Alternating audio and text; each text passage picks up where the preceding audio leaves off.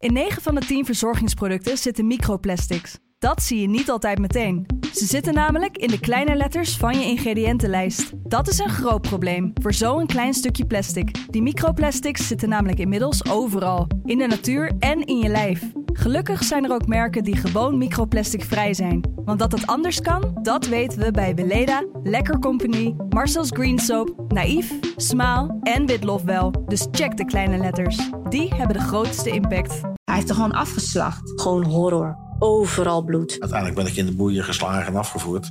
Elke acht tot tien dagen wordt er in Nederland een vrouw gedood door haar partner of ex-partner. Als ze niet zou doen wat hij uh, wilde, dan was hij de godvader. Dat zei hij letterlijk. Vrouwenmoord is een groot onderschat probleem in Nederland. En toch lijkt er weinig te veranderen. Het is niet sexy, je scoort er niet mee. Ik zei, ik moet eerst dood voordat jullie mij snappen. Echt waar. Het is vaak niet eens onwil bij de politie, maar onwetendheid. En dat is vele malen erger. In een nieuwe podcastserie van de Telegraaf onderzoek ik, Saskia Belleman, waarom het zo vaak misgaat achter de voordeur en hoe het beter kan. Want ja, wie is de volgende? Als om de acht dagen iemand wordt vermoord.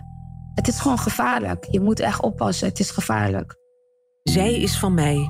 Nu te beluisteren op de site en app van de Telegraaf en in je eigen podcast-app.